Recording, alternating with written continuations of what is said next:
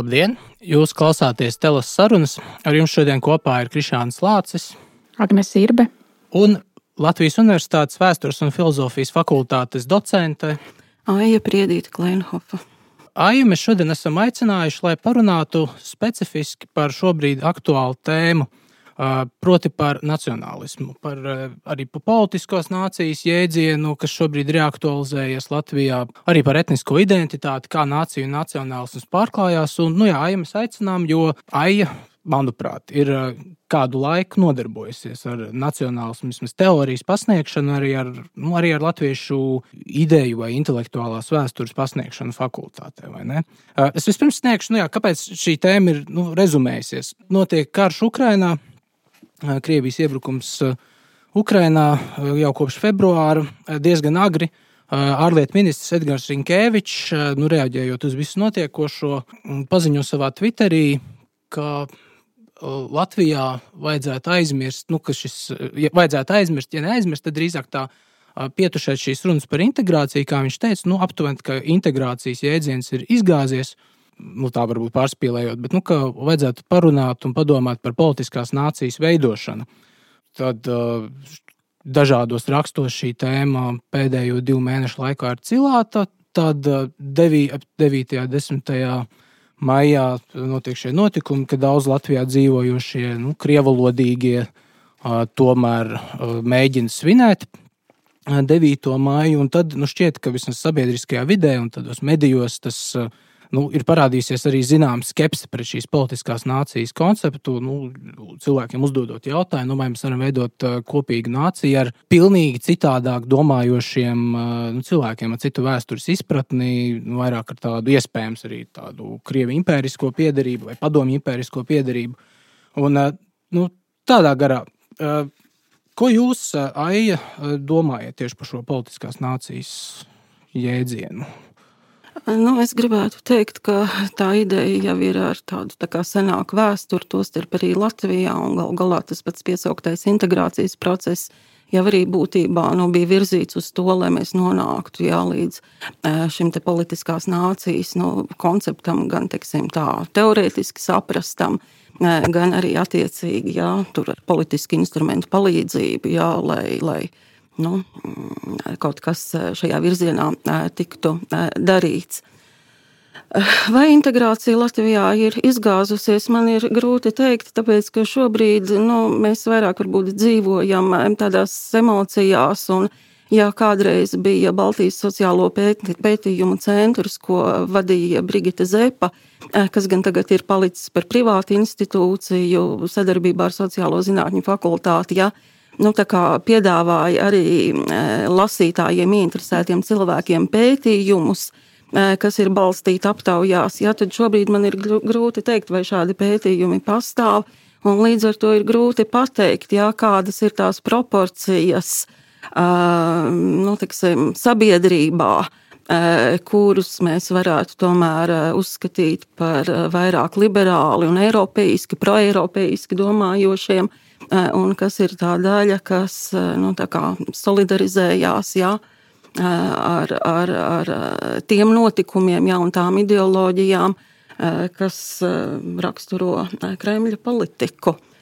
Katrā ziņā mēs šādu cilvēku daļu varam redzēt, vai tie ir tūkstoši, vai tie ir simti nu, grūti ir lēst, jo, diemžēl, lielākā daļa ir klusējoša arī starp šiem, ko mēs varētu nosaukt par liberāļiem. Man būtu gribējies redzēt e, daudz e, tādu, nu, varbūt izteiktāku, jā, pamanāmāku nostāju e, kuras man ir pietrūcis. Jā, bija pasākums Krievu balsis pret karu, bet viņš nebija īpaši daudzskaitlīgs, jā, kā mēs to varējām redzēt. Eh, bet, nu, katrā ziņā tā doma par eh, politiskās nācijas izveidi, eh, jā, protams, tā ir aktuāla un tā būtu atbalstāma. Tikai nu, jautājums, jā, nu, kā mēs līdz tam varētu nonākt, kas ir tie praktiskie darāmie darbi. Un es varu piekrist, ka ehm, būtu jādomā par izglītību latviešu valodā, nevis šo skolēnu nošķīrumu Krievu un Latviešu skolās. Un bija arī tāda nesena intervija masu saziņas līdzekļos, kur izteikts viedoklis, par ko arī varbūt nojauš daudzi, ka problēma jau nav bērnos, problēma ir skolotājos un vecākos, kas varbūt īsti to nevēlas pieņemt. Es varu piekrist arī tai atziņai, kas ir izskanējusi presē, ka Latvijas valdībai vajadzētu nopietnāk domāt par sociālās nevienlīdzības mazināšanu, jo tas nav jautājums tikai par simpātijām, impēriskumam un Kremļa politikai, ja, bet šī neapmierinātība, ja, pret Latvijas valsti, ja, kas ir kulminējusi tajā bēdīgi pazīstamajā izteikumā, es mīlu šo zemi, bet ienīstu valsti, ja, nu, vajadzētu saprast, kas, kas tam ir cēlonis un kas būtu darāms, ja, lai, lai, lai tādas plaisas nebūtu. Bet ir vēl viena lieta, ir vēl viena lieta, proti starp intelektuāļiem, vairāk tādās intelektuālās diskusijās, izskan pārmetums latviešu, latviešu politiķu virzienā, ka nu, mūsu identitāte jā, joprojām ir etniski balstīta, Viņa ir drīzāk izslēdzoša, nevis atvērta, pieņemoša un iekļaujoša, balstīta etniskajās vērtībās, un līdz ar to to ir sarežģīti pieņemt citu tautību pārstāvjiem kas īsti nu, varbūt neatbilst patiesībai. Jo nu, atkal es nevaru atsaukties uz, uz pētījumiem, uz statistiku, uh, Eh, bet tā nojauta ir tā, ka eh, Latvijas gadījumā, ja šajā stāstā par eh, kopīgas politiskās nācijas tapšanu, ja, pretī nostājās divas atšķirīgas etniskās identitātes. Ja. Neapšaubām viena varētu būt latviešu, bet viņa nav visaptveroša. Tāpat laikā ja, šī demokrātiski orientētā, eiropeiski domājošā sabiedrības daļa tomēr ir pietiekami liela. Eh, bet iepratī ir šī krieva etniskā identitāte. Eh, un te nu ir jāsaka, acīm redzot, jā, šai krievu sabiedrības daļai, eh, kura šobrīd es pieļauju, ir tādas ļoti, ļoti sarežģītas kognitīvās disonances situācijā, būs jādomā, ko ar šo savu identitāti darīt. Jo te es varu atsaukties tikai uz daudziem un dažādiem pētniekiem, kas ir pievērsusies šim jautājumam un kuri saka, ka Krievu nacionālisms, Krievu nacionālā pašapziņa ir veidojusies kā etniska, kā kolektīva, kā autoritāra. Tajā ir impēriskuma iezīmes, mesiānisma iezīmes, un paši krievi ir ļoti, ļoti tālu no politiskās nācijas izveidas Krievijā. Līdz ar to, kas tad ir tas modelis, uz ko atskatīties, jā, un var teikt, nu, varbūt tad, vai vispār, jā, daļā sabiedrības maz ir izpratne par to, kas tad šī politiskā nācija īsti ir un uz ko viņi tiek aicināti. Bet tā pirmā emocionālā reakcija ir, tas nozīmē man atsacīties no sava etniskuma. Tā gluži nav, jā, bet šī te, nu, krieviskā identitāte, krievu identitāte, jā, arī tā, acīm redzot, būs ilgas, sarežģītas, grūtas, smagas transformācijas priekšā. Es vēlējos tieši pakavēties pie politiskās nācijas jēdziena. Jo nu, parasti skatās arī nu, Latvijā šajos eh, publisko intelektuāļu aicinājumus, bet ne tikai Latvijā, arī tā nu, globāli. Eh, rietumos šis politiskais nacionālisms vai reizēm pilsoniskais nacionālisms tiek pretstatīts kā etniskajam nacionālismam, kurš šajā pārī eh, nu, tad, politiskā nācija ir šis pozitīvais jēdziens, tāds iekļaujošais, nu, kurā var integrēt dažādu izcelsmju, dažādu etnisko identitāšu pārstāvis. Uh, Nu, savukārt šis centrāla Eiropai un austruma Eiropai piesieto, piešūto nu, etnisko nacionālismu vai kultūra nacionālismu, tas sauc par to slikto dvīni, kurš ir dzemdinājis, nu, vai slikto brāli, kurš ir dzemdinājis nu, nacismu. Un, un, un dažās starpkara autoritāros režīmus. Tāpēc es vēlos nu, jums pajautāt, kas īsti ir politiskā nācija?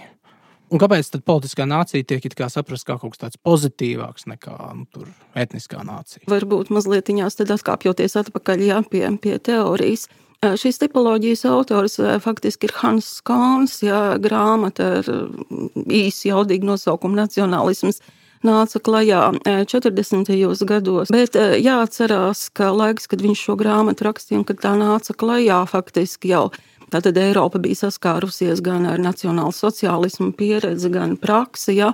Un, protams, nu, tas teorijas fons nav neitrāls. Ja? Tas tātad, nu, arī tā kā kaut kādā ziņā varbūt iespaido viņa secinājumus.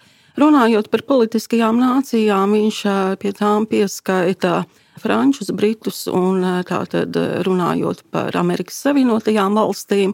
Un savukārt nu, pārējais grūti pateikt, vai nosacīt tā robežšķirtne geogrāfiskajā kartē būtu Reinas vai Elbas upe, ja, bet centrāla un austruma Eiropa kas ir gājusi citu, un tā kā nu, nacionālisma, jā, un arī nacionālās pašapziņas attīstības ceļu, jā, kur dominē priekšplānā nevis kopīgās pilsoņu tiesības, pilsoņu tiesības un pienākumi, jā, kas ir artikulēti valsts pamatlikumos, bet atšķirīgu ceļu, jā, konsolidējoties ap kopīgu kultūru, valodu, vēsturi, vēstures izjūtu vai vēstures pārdzīvojumu, kas dažkārt arī nu, tiek noformulēts izmantojot tādu metaforu, jā, kopīgs vēsturiskais liktenis, jā, tātad atsaucoties uz to noieto vēsturisko ceļu.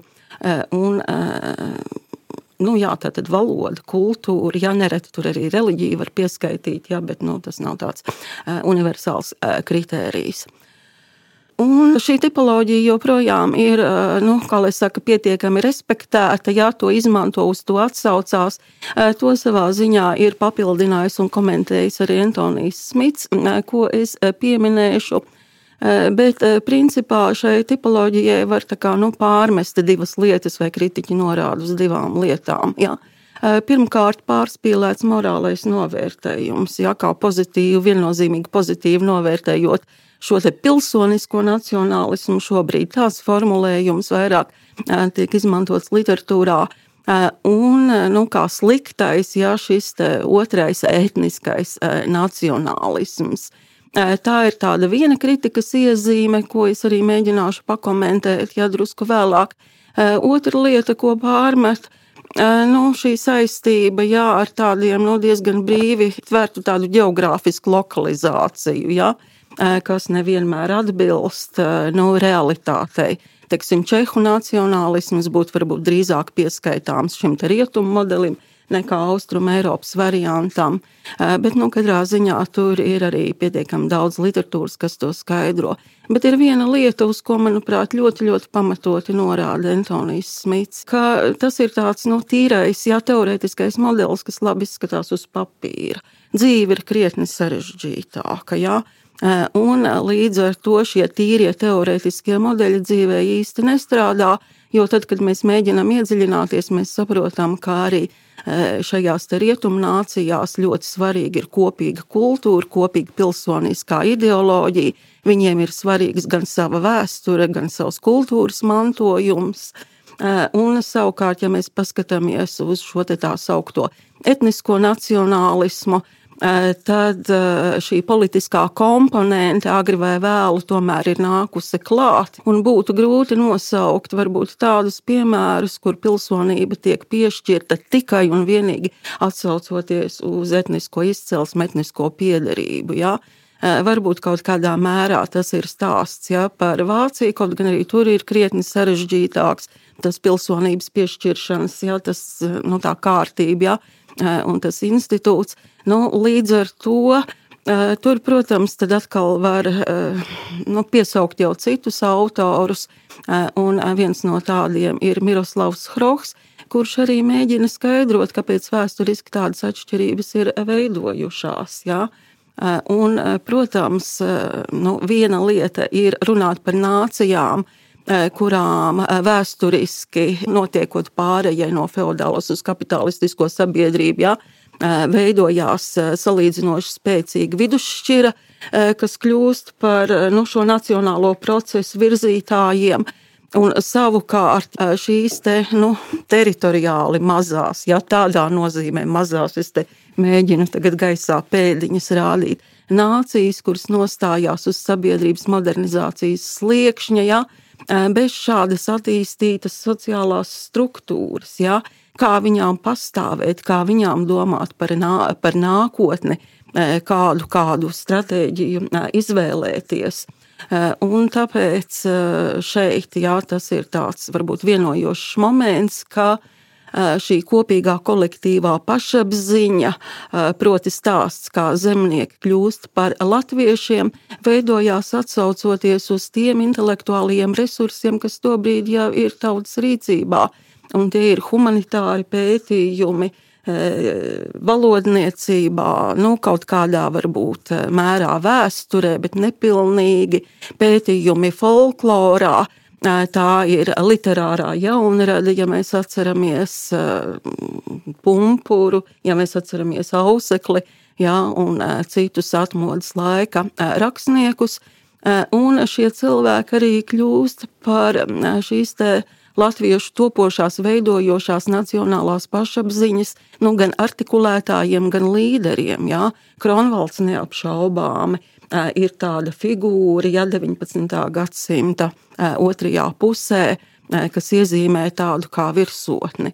Bet pēc tam klāt nāk stāsts par latviešu politisko partiju veidošanos. Ja? To nevajadzētu aizmirst.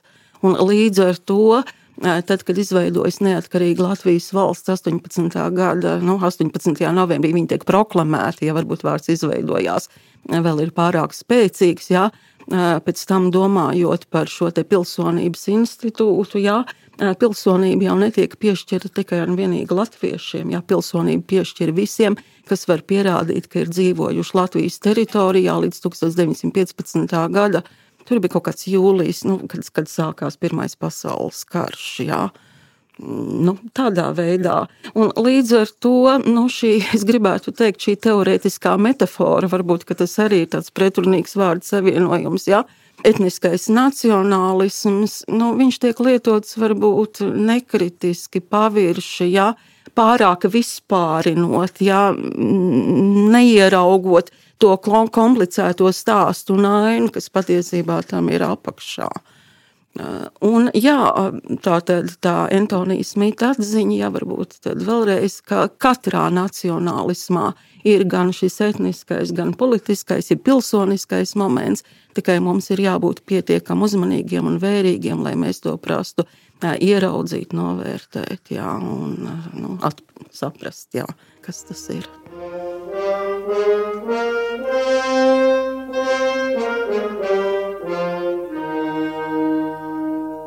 Man šķiet, ka mm, tas vēl līdz salīdzinoši nesenam laikam ļoti aktuālais Latvijas intelektuālā vidē eh, jēdziena nacionālisms vai nacionāla konservatīvisms lietojams nu, ārkārtīgi negatīvā nozīmē, ja nu, tādā tā kā tumsoņa apzīmēšanas nozīmē.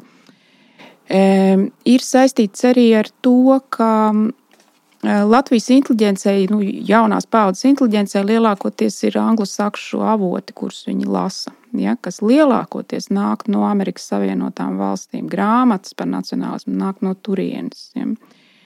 Un e, cilvēki neievēro to amerikāņu modeli un viņu analīzi, kas ir varbūt piemērota, varbūt pat ļoti piemērota tieši Amerikas vēstures stāstam. Viņi nekritiski pārnes uz šejieni, ja, un tādējā, tādā veidā mūsu etnisko nacionālismu vai vispār visu pašu runāšanu par tautību.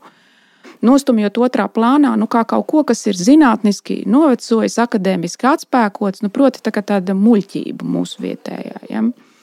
Mans stāsts drīzāk būtu tāds, ka, um, kāpēc es sevi saucu nu, par et, etnonacionālisti. Uh, Egils Levits 80. gadu beigās un 90. gadu sākumā, ja, uh, konstitucionālo tiesību jurists, tajā laikā dzīvojošo daļai Vācijā, uzrakstīja manā izpratnē viens no labākajiem skaidrojumiem par to, kas vispār ir Latvijas republika un kas ir Latvija. Un viens, viņš min, min daudzus argumentus, kas man ir pārliecinājuši, bet viens no spēcīgākajiem man liekas šis. Ja? Nu, tātad 19. gadsimta, 19. gadsimta otrā pusē šeit sākās ja, šīs te, ko mēs vienmēr pieminam, tautiskās pašapziņas, tāda augšupcelšanās kustība, interese par folkloru, ja, un, un, un arī jaunatviešu kustību un tam līdzīgi. Un viņš skaidri norāda, ka 20. gadsimta sākumā vienīgie cilvēki, kuri, kuriem tiešām vajadzēja, kuri tiešām gribēja, lai šeit būtu neatkarīga valsts, ja, kas nav daļa no cariskās eh, Krievijas, ir latvieši. Jo tām pārējām mazajām tautiņām, kas šeit dzīvo, jūdi, bija arī poļi, bija arī nedaudz krievi, bija baltkrievi, ja, vēl arī vācieši bija saglabājušies. Viņiem tas nebija vajadzīgs. Respektīvi, pati Latvijas izcelšanās un izveidošanās ir latviešu lieta. Tā ir latviešu griba. Kāpēc? Tās pamatā ir tautu pašnoteikšanās tiesības. Ja? Latvieši apzināmies sevi kā tautu, kas izveidojusies no vairākām, vēsturiski no vairākām baltu ciltīm, kurai ir sava valoda, nav sajaucama ne ar vienu citu, savu kultūru, folkloru, arī savs nu, teiksim, dzīvesveids un savas formas, kā kopja zeme un tā tālāk, vēlējās sev nostiprināt šo teritoriju un pašorganizēties šajā teritorijā. Ja?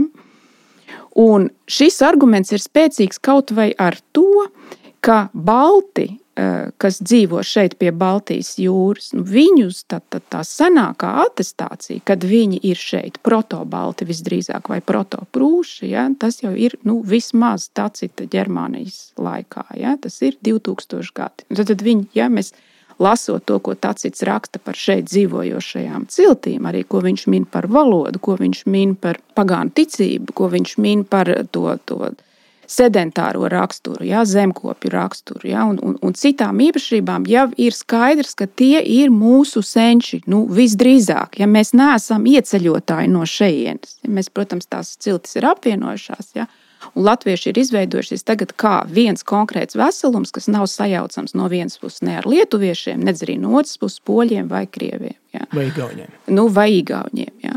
Un mani šie argumenti ir pārliecinājuši. Ja? Tādēļ man ir pat grūti saprast to latviešu daļu. Es skatu etnicitāti kā esenciālu kategoriju, kas to noraida.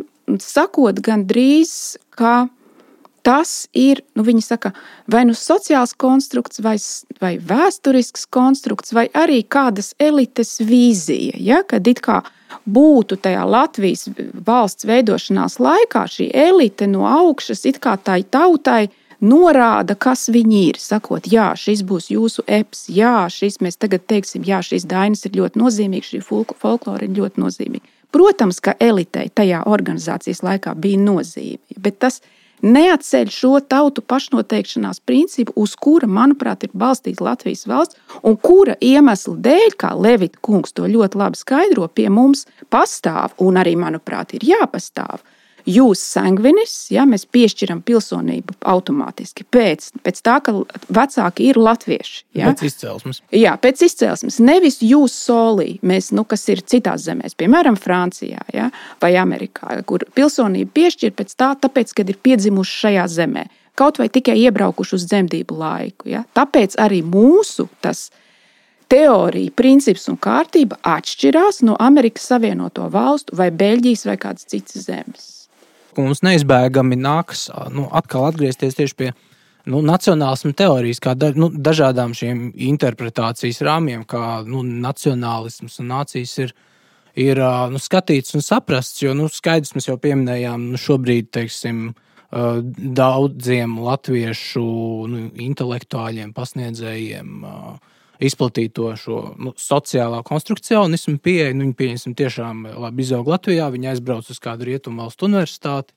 Uh, tur viņiem iedod lūk, šos citus intelektuāļus. Uh, nu, tad viņi teiks, maksā atsauksies lūk, uz, uz Benedikta Andersona, tur iztēlotajām uh, kopienām. Uh, viņi atsauksies uz Eriku Hobsbaumu, ar, kurš arī uh, nacionālisma nu, izcelsmi datē salīdzinoši vēlu, kā tādu nu, 19. gadsimta buržuāzijas projektu.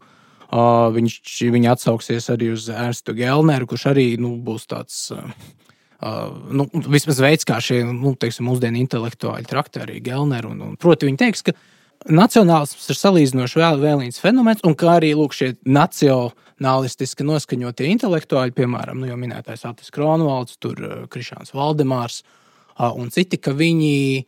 Nu jā, ka viņi kaut kā caur savu darbošanos, un arī caur eposu rakstīšanu, viņi konstruē un rada šos, šo nu, vienību, šos, šos latviešus, kur iepriekš ir nu, jā, bijuši vienkārši zemnieki. Un, un tad ir nu, tad, tāds angļuiski šis vārds, tas agency, nu, tas nezinu, nu, darboties spēja, ja tas, tā cēlonība tiek pārmet, pārnest tiešām šiem intelektuāļiem. Ka, ka iepriekš nu, kaut kas tāds kā latviešu nu, etnos vai tautība, etniskā pašapziņa īstenībā nav pastāvējusi pirms šie intelektuāļi to ir konstruējuši. Līdz ar to mēs saskaramies ar šīm diviem tādiem kā poliem nacionālismu teorijā. Viens ir ko no Agnēs centās aizstāvēt šo nesenciālistisko pieeju, par ko mēs pēc tam Jā. vēl vēlāk parunāsim. No otras puses ir lūk, šie sociālie konstrukcionisti, vai nu, to reizēm sauc arī par modernistu tēzi. Nu, kā jūs arī komentējat šo Ai, polaritāti? Ir ļoti daudz patiesībā šķetināmu tādu pavadienu, un jau ir jautājums uz jautājumu visā tajā. Es tagad mēģināšu mazliet viņās nu, tā kā distancēties, un, ja es kaut ko piemirstu, jā, tad atgādiniet man nu, no, no tā, ko jūs abi teicāt. Viena lieta ir, ka, ja mēs paskatāmies šajās te nacionālisma teorijās, tad tur ir svarīgi saprast, ka, nu, ja mēs arī to saistām konkrēti ar stāstu par latviešiem, neviens jau no modernistiem neatņem ne, ne, ne latviešiem, ne citām tautām viņa etnisko pagātni. Ja? Tātad jautājums ir par šo etno vēsturi, un tur ir nu, taisnība ja, visam tam, par ko runāja Agnese. Bet jautājums parādās tur, kurā brīdī etniska grupa vai etniska kopiena, jā, angliski etnika community, kad viņa sāk sevi apzināties kā tik tālu nobriedusi, lai vēlētos sev prasīt politiskās tiesības. Jā. Eh, kad etniska grupa sāka pārtapt nācijā, kuras svarīga pazīme eh, ir eh, šīs kopīgās pilsoniskās tiesības un pienākumi, ja, kas ir politiska rakstura fenomens. Un, protams, ja, ja mēs skatāmies Eiropas vēsturē, tad pirmais starp filozofiem, kas artikulēja šo nācijas ideju ir Žans Žaks Ruso ar savu darbu par sabiedrisko līgumu, kur parādās tas bezgalīgi svarīgais koncepts. Jā, Tautas suverenitāte. Ja? Jautājums ir par to, kas ir suverēns. Kamēr tauta šo suverenitāti neizvirza vismaz kā nākotnes ideju, kā mērķi, kas būtu sasniedzams, par viņu vēl ir grūti runāt nācijas jēdzienos, domāt nācijas jēdzienos. Viņa ir etniska grupa, kurai ir kopīga valoda, kultūra, nu, tādā herdera, ja antropoloģiskā nozīmē kurai ir, nu, varbūt jā, savi, savi rituāli, jā, kopīgi svinami svētki. Um, nu, vēl kaut kas, ja, bet pietrūkst uh, šīs te, uh, politiskās pašapziņas un politiskās aktivitātes, kas ir būtiski svarīgs uh, priekšnoteikums, ja, lai mēs varētu runāt par to, kā tauta no etniskas kopienas, etniska fenomena jāpārtop nācijā. Uh, kur ir gatavi šos politiskos mērķus ne tikai izvirzīt, bet arī par tiem cīnīties jā, un tos īstenot dzīvē. Un šādā nozīmē skatoties, nu, jā, man ir jāpiekrīt, jā, modernisti jau nesaka neko nepareizu, ka tas ir Eiropas jauno laiku vēstures stāsts, bet tas nekādā gadījumā nemazina jā, šo etno vēstures nozīmību. Un te jau atkal var atcerēties Antoniju Smitu, kurš eh, nāk, eh, tur ir tā bezgalīgi svarīgā, ja, Vārvikas diskusija, kas notika, ja nemaldos, 1994. gadā starp Smitu un Gelneru. Tātad Gelners, kas ir nu, šīs modernistu ja, paradigmas viens no tādiem spilgtiem pārstāvjiem, un Antonijs Smits, kurš piedāvā tā saukto etnosimbolismu, jeb ilgā laika teorijas, jeb nācijas etniskās izcelsmes koncepciju, pilnībā nenoraidot modernistu skatījumu, bet saskatot viņu trūkumus, nepilnības, kļūdas, ja, un gribot to papildināt nu, ar tiem nacionālismu aspektiem, kas nav pamanīti un novērtēti modernistu skatījumā. Un eh, te arī pacēlās jautājums jā, par politiskās elites lomu tas, uz ko norāda Antonijs Smits savā koncepcijā, ir, ka nu, šī elites loma nav tāda vienvirziena, jā, proti, elites, kas konstruē sev vēlamo sociālo realitāti. Tās ir apusējas savstarpējas attiecības, kurās iesaistās dažādas elites grupas un sabiedrības, varbūt nosacīti zemākie slāņi, kuru interesēs elite vispār ir spējīga darboties un kaut ko darīt. Tātad vēlreiz tās nav vienvirziena attiecības, jo arī tauta, protams, ietekmē savas inteliģences, jeb intelektuāļu, politisko līderu, arī vidusslāņu aktivitātes, eh, liekot viņiem ar tautu rēķināties, jo bez šī atbalsta kaut ko elitei vienai pašai panākt arī ir eh, sarežģīti vai neiespējami. Nacionālismu teorijās ir tāds, tāds jēdziens, ja politiskā mobilizācija, un tā paredz prasmi, vēlmi uzrunāt tautu. Nu, tajā valodā, kāda tā, kādā tauta viņu saprot, gan tiešā, gan pārnestā nozīmē proti dzimtā valoda, bet kopīga valoda arī kā kopīgas intereses, kopīgi mērķi, ja šajā pārnestajā nozīmē. Eh, un līdz ar to tātad eh, elites darbības eh, savu mērķu sasniegšanai faktiski arī kļūst iespējamas tikai tautas kultūras un tautas tradīcija veidotā kontekstā. Respektīvi, ir jāņem vērā šī tautas kultūra, kā elites inovācijas ierobežojošs faktors, jo ir svarīgs šis savstarpējais komunikācijas un atbalsta moments. Ja, ja tā nav, tad uh, Nu, protams, ja tas ir tas uh, smita jautājums, vai ir iespējams uzkonstruēt nāciju tukšā vietā no nekā, ja? un uh, izmantojot tādas varbūt vieglāk saprotamas metafāras, viņš saka, ka katrai nācijai ir vēsturiskā nabas saita ar iepriekšējo nu, etniju, kā dažkārt latviešu valodā tā saucība, etnisko kopienu, no kuras tā izauga evolūcijas nu, procesā. Un, protams, ja es domāju, ka mēs varam nu, bez Eh, tādām aizdomām, teksim, paskatīties uz to, ka latvieši 19. gadsimta otrajā pusē nav tādi paši, kādi ir viņi bijuši 16. vai 17. gadsimtā, un arī mūsdienu latviešu pašapziņa ļoti atšķirtos no 19. gadsimta otrās puses cilvēka domāšanas. Šīs etniskās vērtības nav pazudušas, nē, bet tam nāk klāt svarīgā apjausma, ka mums par saviem mērķiem, par savu pastāvēšanu, par savu valstiskumu ir nemitīgi jābūt nomodā. Nu, tā ir tā slavenā Renāna tēze, ka nācija ir ikdienas plebiscīts, ja nu ne burtiskā nozīmē, bet tomēr, ja tā ir nemitīga politiska diskusija, neliti, ne, nemitīga nu, uzmanīšana, uzpasēšana, kas notiek publiskajā telpā, kādi viedokļi, ja, kādas konsekvences no tām idejām, kas, kas, kas izskan. Un tā ir tā ikdienas politika, ja, kurā nu, mums ir jāsanāk kopā, un viņa ir jāveido tāda, kāda tā ir pieņemama. Nu, tomēr es atļaušos teikt visiem Latvijas valstī dzīvojošiem cilvēkiem, ne tikai latviešiem, bet arī mazākumtautībām, kas ir līdzās mums. Tās nevar būt tikai un vienīgi politiskās tiesības un pienākumi latviešiem, izslēdzot eh, mazākumtautību pārstāvis, kas Latvijā ir dzimuši un auguši un kas Latviju uzskata par savu dzimteni. Varbūt ar to moderno politisko valsti tā problēma, kas ieskanās eh, vai ieskanējās, jo īpaši laikā pirms uh, Krievijas iebrukuma Ukrainā, kas tomēr atzīsim to, ja pamainīja veidu, kā cilvēki vispār skatās ja, uz tautu apdraudējumu mūsu reģionā.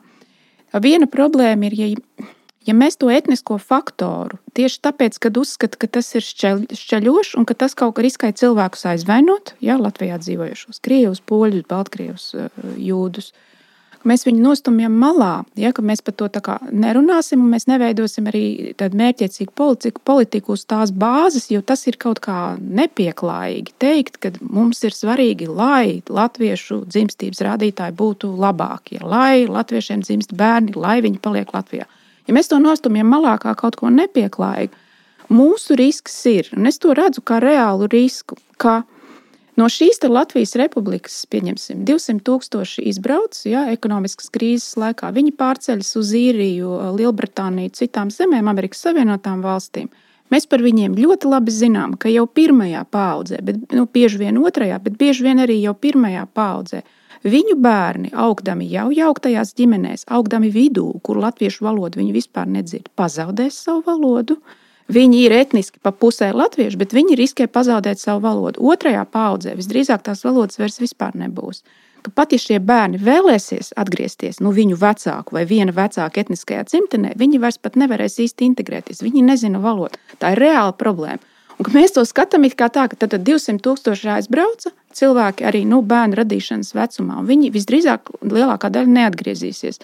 Un uz to tiek atbildēts, bet tas nekas, jo atbrauks, teiksim, mēs uzaicināsim, vai kā, ja, vai, vai ļausim šeit iebraukt citiem 200 tūkstošiem no citiem kontinentiem vai no Krievijas. Vai, un tad it kā tas ekonomiskais darba spēks būs nodrošināts. Ja, Un ka šis tiek pieņemts kā valids arguments, ja, nesaprotot to, kādu bīstamību un apdraudējumu tas rada tam etniskajam sastāvam. Tāpēc es vēlreiz atgriežos pie jautājuma par latviešiem un pie tautas. Ja. Etnisko latviešu skaits ir tikai nedaudz lielāks par vienu miljonu. Ja.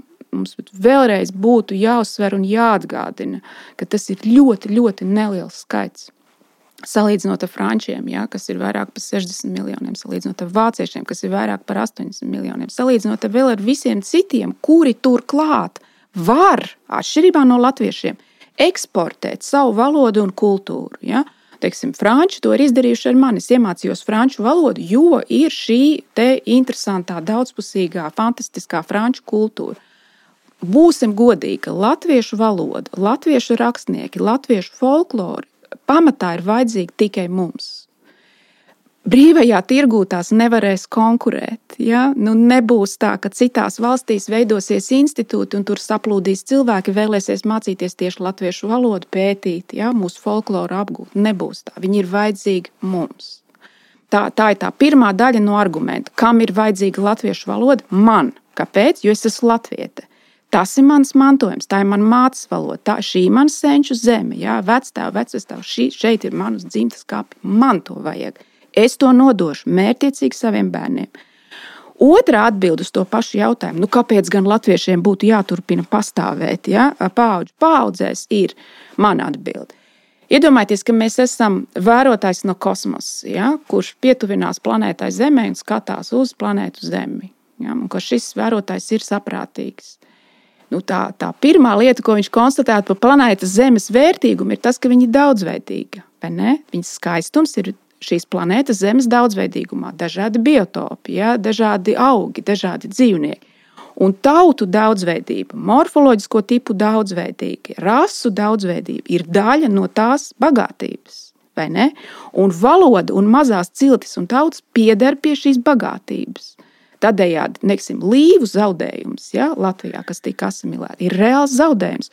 Prūšu zaudējums, kuri asimilējās un tika asimilēti jau 17. gadsimtā, ir reāls zaudējums. Ja? Un es negribētu pievienot šim, nekādā veidā nestrādāt tajā virzienā, ka es pievienoju šim skumjajam sarakstam arī latviešus. Tas ir tas pamata arguments. Viņš nav izkļaujošs, viņš varbūt arī iekļaujošs, ja? bet Tas nostiprina to latviešu prerogatīvu dzīvot, strādāt, izglītot citus un arī veidot savu politisko nāciju tādā veidā, ka etniskais jautājums vienmēr ir uz galda. Viņš netiek nostumts. Bet tas viss, ko nosauc Agnēs, tas viss jau ir nu, tā, spēlējot nedaudz vēlnu advokātu no savas pozīcijas. Jā. Tas viss ir iespējams principā arī uh, impērija paspārnē. Jo, nu, tas, Jā. tas ir ne tikai nu, teiksim, tādu internacionālo, globālo, tādu starptautisko tādu organizāciju, nu, ja mēs skatāmies uz kaut kādām tādām 21. gadsimta tādām, nezinu, neoimpērijām. Teorētiski tas ir iespējams arī Eiropas Savienības paspārnē. Ja Eiropas Savienība kaut kad nākotnē izveidojas par tādu federālu valsti, uh, teorētiski tas ir iespējams arī Krievijas impērijas paspārnē, kur uh, vēl 19. gadsimta, protams, ar visām pārkrievošanas un tam līdzīgi programmām 19. gadsimta vidū ir nu, nu, iespaidīga daudzveidība. Mūsdienās vairs nav tur, tur tādas visādas eh, mariešu tautas, mordvieši, čūši. Eh, nu, viņas ir, bet nu, viņas knapi velk dzīvību, jo lūk, šis krievi imperiālisms, vai nu, nu kā to nosaukt, eh, viņas ir nomācis arī būs atsauce uz vēsturiskajām, teiksim, Habsburgas impēriju. Nu, Protams, ka šis Habsburgas impērija, kuras paspārnē arī ļoti liela dažādība, kas tik tur nebija. Tur bija Ungāri, tur bija dažādas Balkānu tautas, Slovāki, Čehi. arī vācieši. Un tas arguments no tādu klasisko imperialistu, arī nedaudz tādu reakcionāru puses būs, ka, nu, ka nē, lūk, tie impēriskie veidojumi tieši šeit, ko tu nosauc kultūras daudzveidībai un dažādībai, proti, šī politiskā struktūra, kas ir impērija, nevis nacionāla valsts, nu, spēj nodrošināt to pašu. Jā, daži katoļi arī aizstāv šo, bet viņi to neatiecinātu uz Krieviju. Ja, viņi teikt, ka Krievijas piemērs ļoti negatīvs, bet uz Habsburgu impēriju viņi to aizstāvētu tādā ziņā, arī atsaucoties uz Svētās Romas impērijas laiku, kad ļoti labi tām mazajām tautiņām tur klājās. Ja. Un no otras puses viņi vēl pieminētu, ka Eh, sekulārās nacionālās valstis, tāpat, piemēram, Francija, ja, pēc Bastīlijas krišanas, kas tika nodibināta, tās izveica nu, eh, pašu tādu negantāko mazo tautiņu, mazo dialektu, mazo kopienu apspiešanas politiku, jo gribēja nodibināt to lielo militarizēto uh, nacionālo valsti, kur runā visi vienā literārajā valodā, ja, un tad, tad tās mazās atšķirības, tās skaistās atšķirības tika mērķiecīgi izskaustas. Ja? Tagad tikai pēdējos 30, 40 gados, tad tagad, nē, nē, tomēr tur elzasiešu dialekts, tas ir skaisti, viņas ir vērtīgi, vai kaut kā viņus pabalstīt. Ja? Tāds arguments ir izsakāms. Es vienkārši šobrīd es neredzu no Eiropas Savienības puses reālu izpratni par to, ko mums nozīmē šī brīvā smadzeņu jaunu cilvēku un arī darba spēka aprite Eiropas Savienības ietveros vai plašākos. Ja? Uh, nu, ka nu, šīs princips, uz kuriem ir balstīta Eiropas Savienība, ir izdevīgs tām lielajām valstīm. Ja? Un tām mazajām valstīm ir. Nu,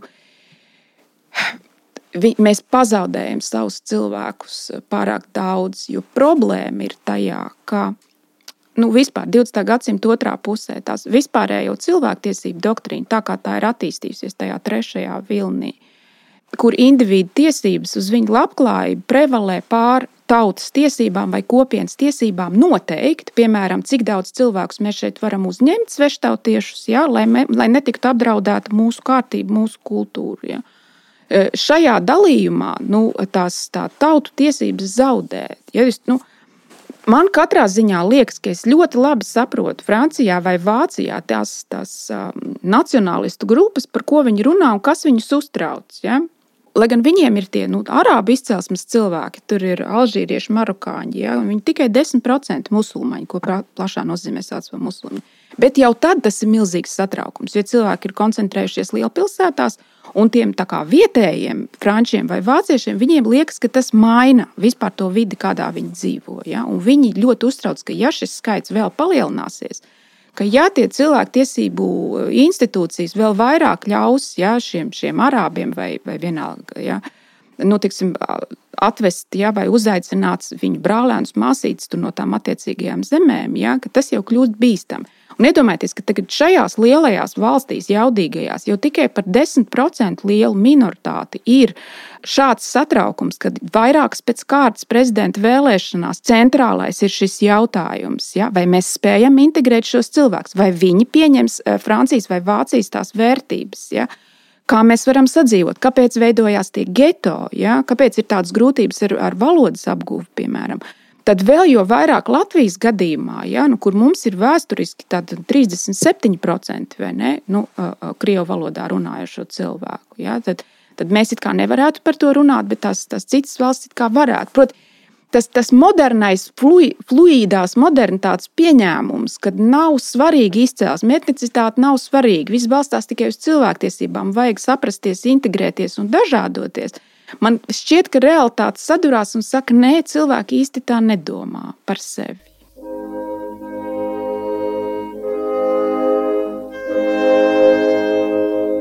Došu tūlīt uh, Aijai vārdu, bet uh, tādā, uzreiz jau atgriežoties pie tādas specifiskākas tēmas no nacionālisma teorijas, atgriežoties tieši pie Latvijas un latviešu nacionālismu. Proti, es gribu jautāt, par Latvijas satversmi, kurai šogad, starp citu, aprit simts gadi. Mm -hmm. Man patīk, iepriekš Aija pieminēja, ka nu, tā robeža starp politisko un etnisko nacionālismu vai politisko nāciju un šo etnisko nāciju nav tik viennozīmīga, ka tur nu, pārklājās politiskie un etniskie momenti. Es arī došu vārdu par to, ko jūs pieminējāt par šī nošķīruma moralizēšanu. Bet tas būs tieši šajā kontekstā, ko es jautāšu. Proti, nu, ka, ja mēs paskatāmies uz satversmi, mēs šobrīd redzam tiešām abus šos komponentus. Mēs redzam gan politisko, nu, proti, Latvijas tauta kā suverēns. kas nav latviešu tauta. Un tas vienmēr tiks norādīts arī nu, no nu, modernistiski ievirzītiem Latvijas intelektuāļiem, nu, ka, jā, ka, Latvija, ka runa mūsu valsts pamatlikumā ir par Latvijas tautu. Nevis latviešu tautu. Līdz ar to nu, zem Latvijas tautas viņi tur sapratīs to, nu, visu to dažādību, kas mums šeit dzīvo.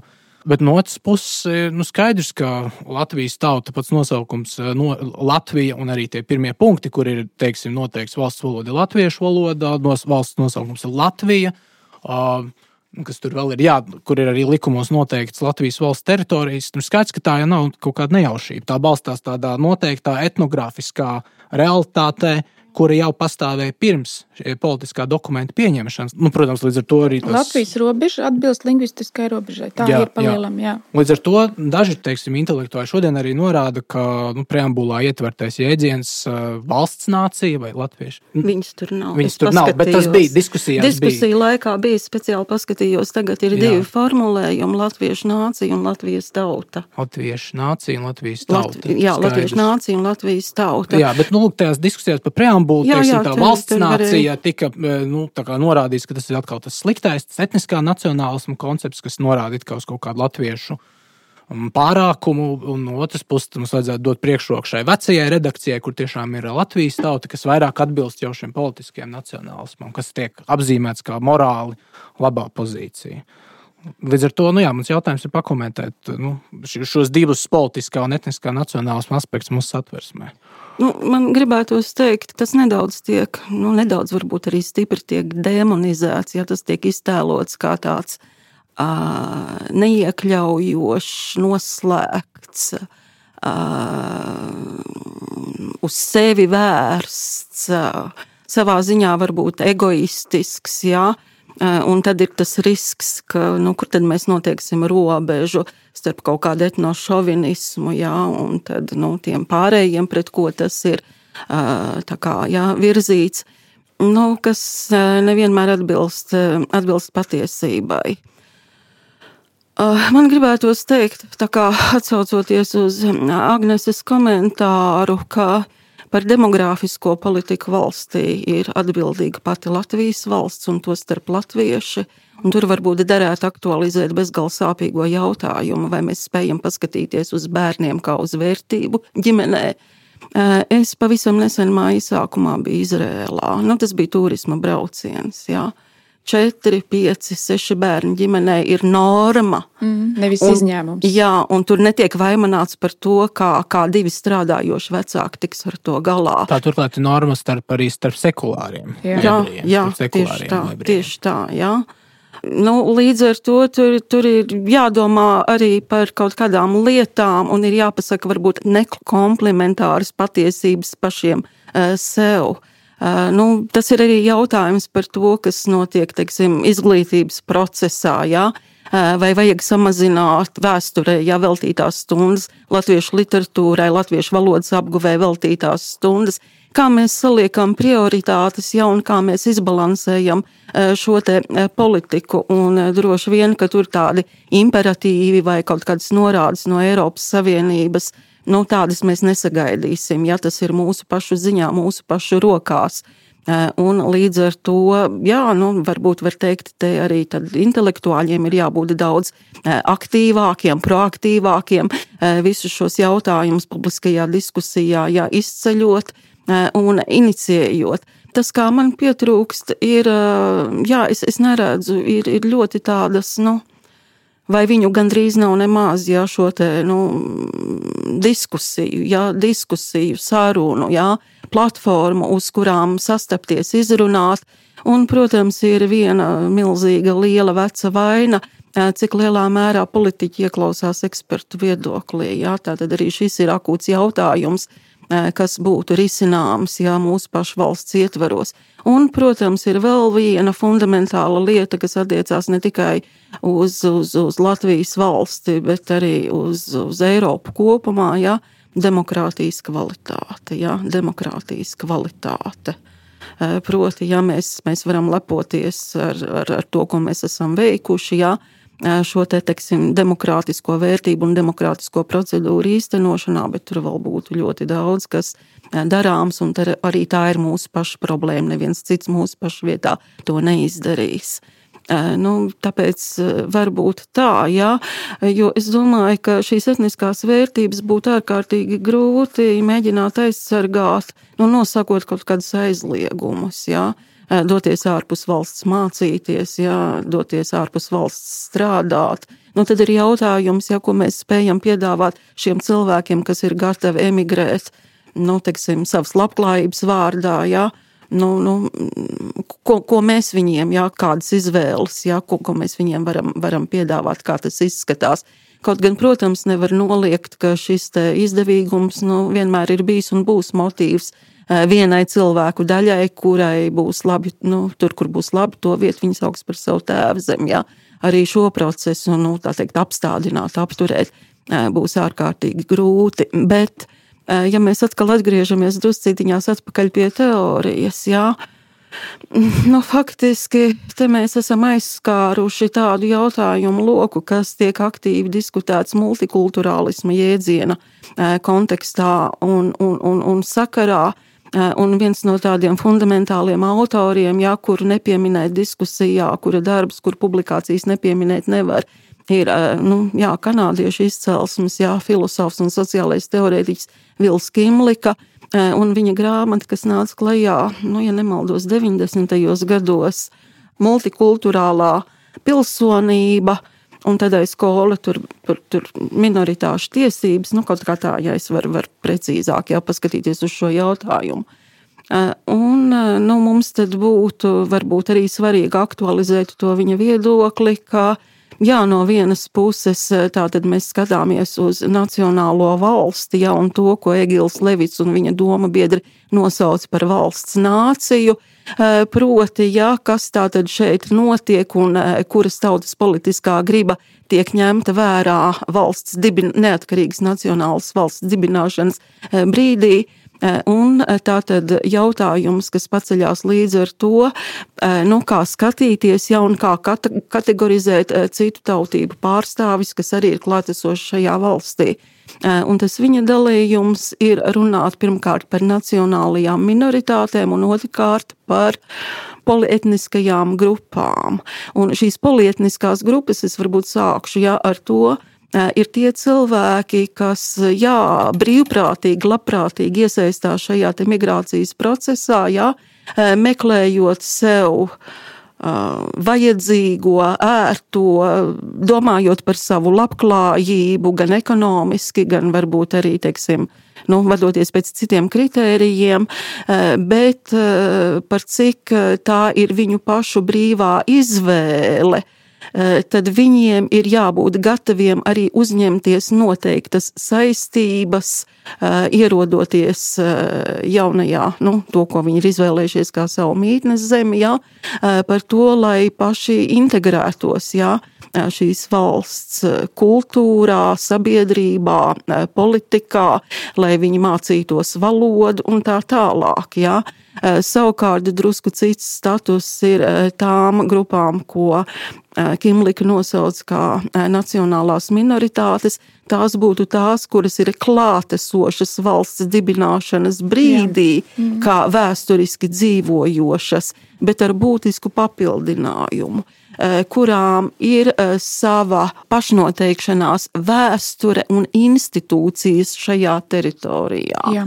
Līdz ar to Latvijā tādu īsti nav. Jā.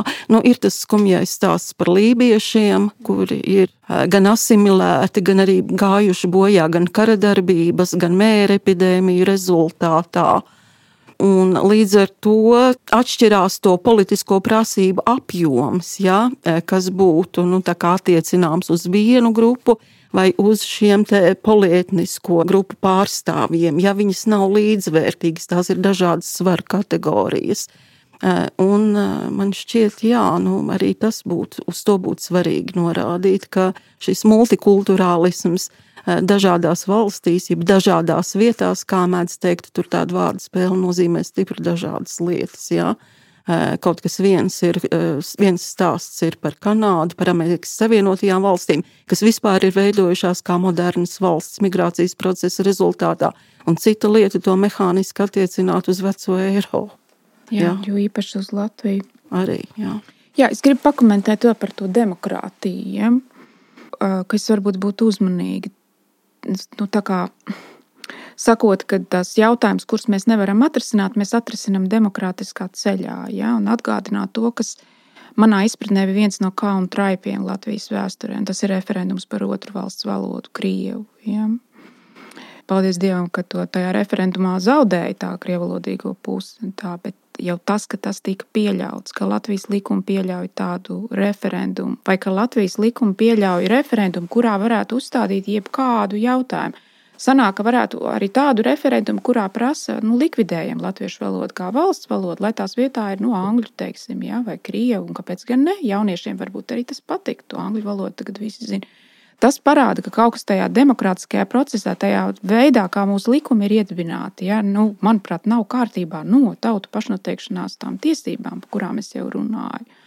Un es redzu to um, satversmes preambulu daudz kritizēto, un arī visus tos satversmes komentārus, un arī jūsu sacīto par latviešu tautu. Tagad aktualizēju šos jēdzienus, aktualizēju šo te, šos skaidrojumus tieši tāpēc, ka, nu, manuprāt, tāpēc, ka bija tas referendums, kas bija traumējošs vienai daļai etnisko latviešu. Preambula jau bija atbilde uz jā. referendumu. Jā, nu, kad, lai cilvēki pagaidiet, tā gluži nav. Ja? Tā gluži nav, ka mēs demokrātiski noteiksim nu, jebko. Un tur ir tas modernitātes risks ko labi saprot uh, Francijā dzīvojošais, nu, tas labējos pāns, ja, vai Vācijā, vai kaut kur citur. Ka, ja tā iebraucēju svežzemnieku minoritāti, mēs laipni viņus saņemam vai nepalīdzam, un tā tālāk. Viņi kļūst pārāk liela, un valsts ir demokrātiska un var ierosināt, kādus tik referendumus grib. Ja? Tad tā pamatnācija var vispār pazaudēt savas tiesības, vai pazaudēt savas tiesības kādam kaut ko prasīt, piemēram, integrēties. Ja? Tur ir, tur ir tas vienmēr tas risks ar to. Nu, Konstitūcijai vajadzētu arī regulēt to, ko demokrātiski var prasīt. Ja? Tā valsts konstitūcijai ir jābūt izpratnē par to, kas mēs esam un ko mēs darām. Nav tā, ka jebkura atbilde ir derīga. Ja? Nu, tad, manuprāt, es nezinu īsti, kāds šobrīd ir konstitucionālais mehānisms vai prasības, bet nu, ir tā, ka man liekas, pēc 12. gada referenduma tie teiksim, satversmes tie pirmie četri panti, ja nemaldos, kas ir tas satversmes kodols. Uh, nu, viņi vēl ir vēl īpašāk, man liekas, aizsargāti nekā iepriekš. Viņas ne, nav, nav, nav iespējams tik viegli demokrātiskā ceļā. Pat ar referendumu jā. nevarētu. Jā. Jā. Tā kā, nu, tas ir tas, ko arī Levita kungs sauc par pašaizsargājošos demokrātiju. Bet nu, jā, mums jau jāvirzās uz noslēgumu, bet nu, vēl no manas puses tomēr ir pakavēties pie satversmes, nu, ka satversmē teiksim, tiešām šis jēdziens Latvijas tauta ir ko nu, atsevišķi mūsdienu Latvijas intelektuāļi tomēr mēģina interpretēt vairāk tieši politiskā nacionālisma griezumā. Uh, nu, tas viņiem dod, piemēram, iespēju runāt par uh, visu vai dažādu tautību latviešiem. Nu, ko jūs sakat par šo vārdu savienojumu, kas uh, nu, pēdējā laikā man neizprotam iemeslu dēļ ar vien vairāk nu, ieejās publiskajā telpā, proti, visu tautību latviešu. No. Jo, jo nu, tā man intuitīvi šķiet, nu, latvieši tas ir kā etnonīms, ne, kas apzīmē tautību. Bet nu, skaidrs, ka mums ir problēmas. Nu, Krievijā ir šis nošķīrums uh, Rusija un Ruskie. Ruskie tas ir etnonīms, un Rusija apzīmē nu, šo teritoriju, zemi, valsti. Uh, nu, Latvijā mums ir Latvija, nu, krievalodīgie reizēm arī nu, nedaudz ironiski lieto latvieši. Bet, nu. Jā, jā nu tā bija tā diskusija vienu brīdi, vai tas piedāvājums, jā, lai nebūtu latviešu, kur ir vienkārši jā, tas ie, to jēburtiņu ies, nu, ielikt iekšā kā, kā tādu jaunu rādītāju.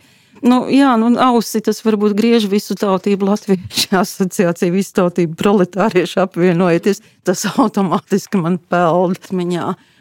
Bet varbūt, to var pagriezt citādāk. Nu, visu tautību cilvēku, kas dzīvo Latvijā kā Latvijas patrioti. Ja, un, protams, šeit arī paceļās nu, tas, jēdzien, nu, tas, tas patriotisma jēdziens. Ja?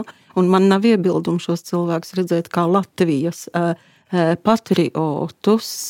Ne, nu kā, piemēram, ir pašsaprotami, nu, mēs esam dzirdējuši, piemēram, Latvijas poļu uh, intelektuāli Ita Kozakeviča, kur ir tieši Latvijas tā. patriote. Jā, jā bet nav Latvijas. Nu, jā. Nav Latvijas, jā, bet no Latvijas labā izdarījusi varbūt vairāk nekā viens otrs etniskais protams, latvietis. Jā. Protams, arī tas būtu jāņem vērā. Jā. Jo mums, diemžēl, tik daudz ir no to, ko mēs tā saucam par divām ekspertiem, jā, E, kuri ir nu, gatavi paust to, ko viņi paši uzskata par viedokli, ja kritizēt, bet tik līdz paceļās jautājums nu, par kaut kādu iesaistīšanos, ja, par izpratni, tad nu, nē. Ja. Nu, tas ir tas demokrātijas kvalitātes jautājums. Jā, es, es varbūt vēlreiz pie tā atgriežos.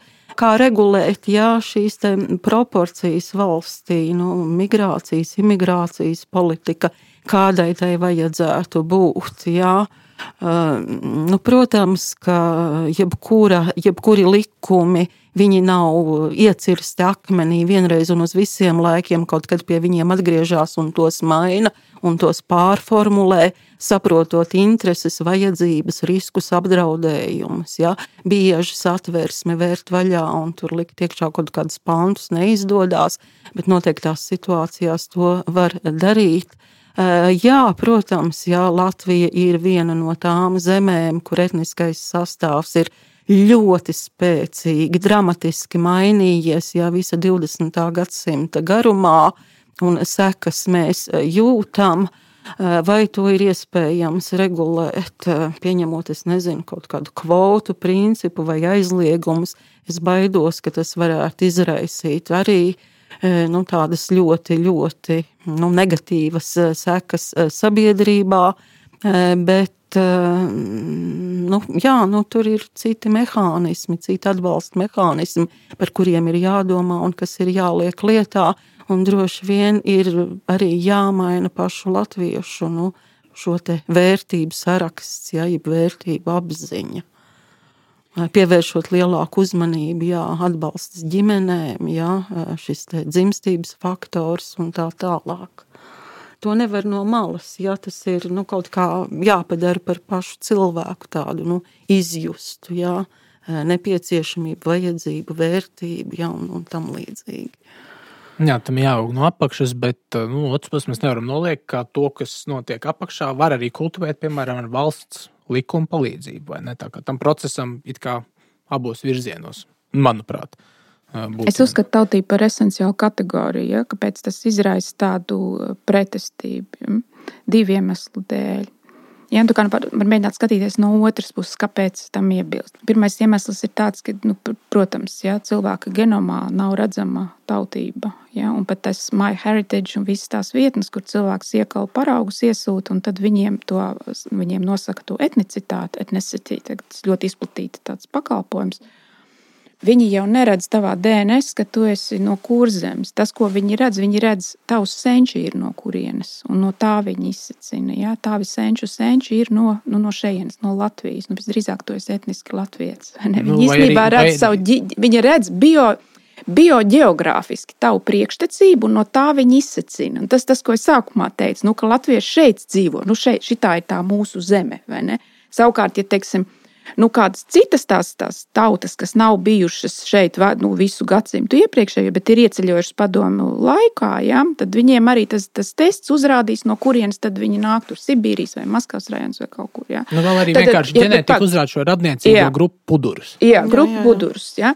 Bet joprojām nu, tiek saka, nē, nē, nē tā, tā nevar būt esenciāla kategorija, un arī rasa nevar būt esenciāla kategorija, jo genoms nerāda to. Ja? Genomā tev ir tikai cilvēka. Ja? Nu, genoma līmenī nav nekādas atšķirības starp etiopietu un igauni. Ja, un tad tā atbilde ir, ka genoma līmenis nav tas, kur ir jāredz tā esencialitāte. Ja? Es, protams, varētu to izvērst, ja? bet nu, Jo genoma līmenī mums 99% ir kopīgi ar šimpanzēm un bonobo, un 80% kopīgi ar govīm. Un tas nav tas līmenis, kas saka, zinātniski rases nav, nepastāv, ir ilūzija, ilūzija fantasmagorija, aizspriedums. Ja? Tāpēc, ka genoma līmenī viņas neredz. Ja? Tā ir tā nepareizā atbilde, manuprāt. Ja? Viņas jā, jāskatās citur. Otrs iebildums pret esenciālismu ir tas, ko visdrīzāk pārmetīs arī šai mūsu sarunai, nu, vismaz man, ja? manai daļai ka izklausās agresija, ja, ka tu, tu neizvēlējies, ka tu esi latvieti, ja, bet tu tā kā lepojies ar to. Un kā tu vari lepoties ar kaut ko, ko tu neesi ne nopelnījusi, ne izdarījusi, nekā tam līdzīga? Nē, nē, nē, tas nav par to. Ja. Tas nav par lepošanos, tas nav par uzskatīšanu, ka es būtu pārāka par igauniem teiksim, vai par etiopiešiem. Nē, nē, nē, tāds nav arguments. Arguments ir, ka šajā pasaules daudzveidībā es esmu latviedzības nesējis un es aizstāvēšu savas tiesības, padot to tālāk. Ja? Ta, tas ir tas. Ja? Es tajā redzu drīzāk morālu argumentu, un es ļoti labi saprotu, ja šādu morālo argumentu formulētu kāds cits, arī kaut vai Latvijā dzīvojošs, ja, kurš saka, es no senčiem nesu kaut ko citu, ivritu vai kaut ko, ja, es aizstāvēšu to, ja, jo tā ir mana ģimene, tie ir manēji. Es ļoti labi saprastu, ko šis cilvēks saka. Ja, mums ir Nu, tā problēma tā ar to etnicitāti ja, un, un visu to, to tautu, un arī tagad, protams, tajā visā milzīgajā sarunā par rasēm, ja, vai vispār tie morfoloģiskie tipi pastāv. Nu, protams, ka pastāv. Ja, tās ir fenotipiskās variācijas. Viņas reāli pastāv. Ja, tautu mentalitātes ir reāli konstatējama parādība. Ja, nevajag viņu noliegt. Tas satraukums ir par dažām šaušalīgām 20. gadsimta vēstures epizodēm. Ja ka tas etniskais faktors vai asiņu tīrības faktors jā, ir ticis paaugstināts tādā līmenī, kādā tam nekad nevajadzētu būt. Uz tā pamata izdarot secinājumus par citiem cilvēkiem, jā, vai par to, kuram ir tiesības, kur atrasties. Tā, nu, protams, ka tur nevajag nonākt. Bet tas arī nenosvītro visu to, ko tautu pārstāvji gribētu teikt un ko runātu tie, kas uzskata, ka tautām ir tiesības pašnoteikties savā senču zemē, un tas ir jārespektē. Nu, jācer, ka šī politiskā veidojuma Latvijas ietvaros dažādas tautības savā starpā spēs turpmāk nākotnē sadzīvot. Pieņemot, ka varbūt tiešām Krievijas impērija kādreiz sabrūk, un tad milzīgs tautu masas gāžas pāri Latvijai. Tad, nu, mēs nezinām, nākotnē tiešām ir miglā tīta, bet nu, jācer, ka visā šajā trakajos laikos latvieši kā tautība saglabāsies. Nu, tā ir tāda mana optimistiskā nu, tā cerība. jāstrādā. Jā. Tā ir mūsu atbildība. Tas ir mūsu rokā. Mums to pirmkārt vajag. Labi. Ar jums šodien kopā bija Krišāns Lācis, Agnēs Irbe un Aija Priedīs Kleinhofa.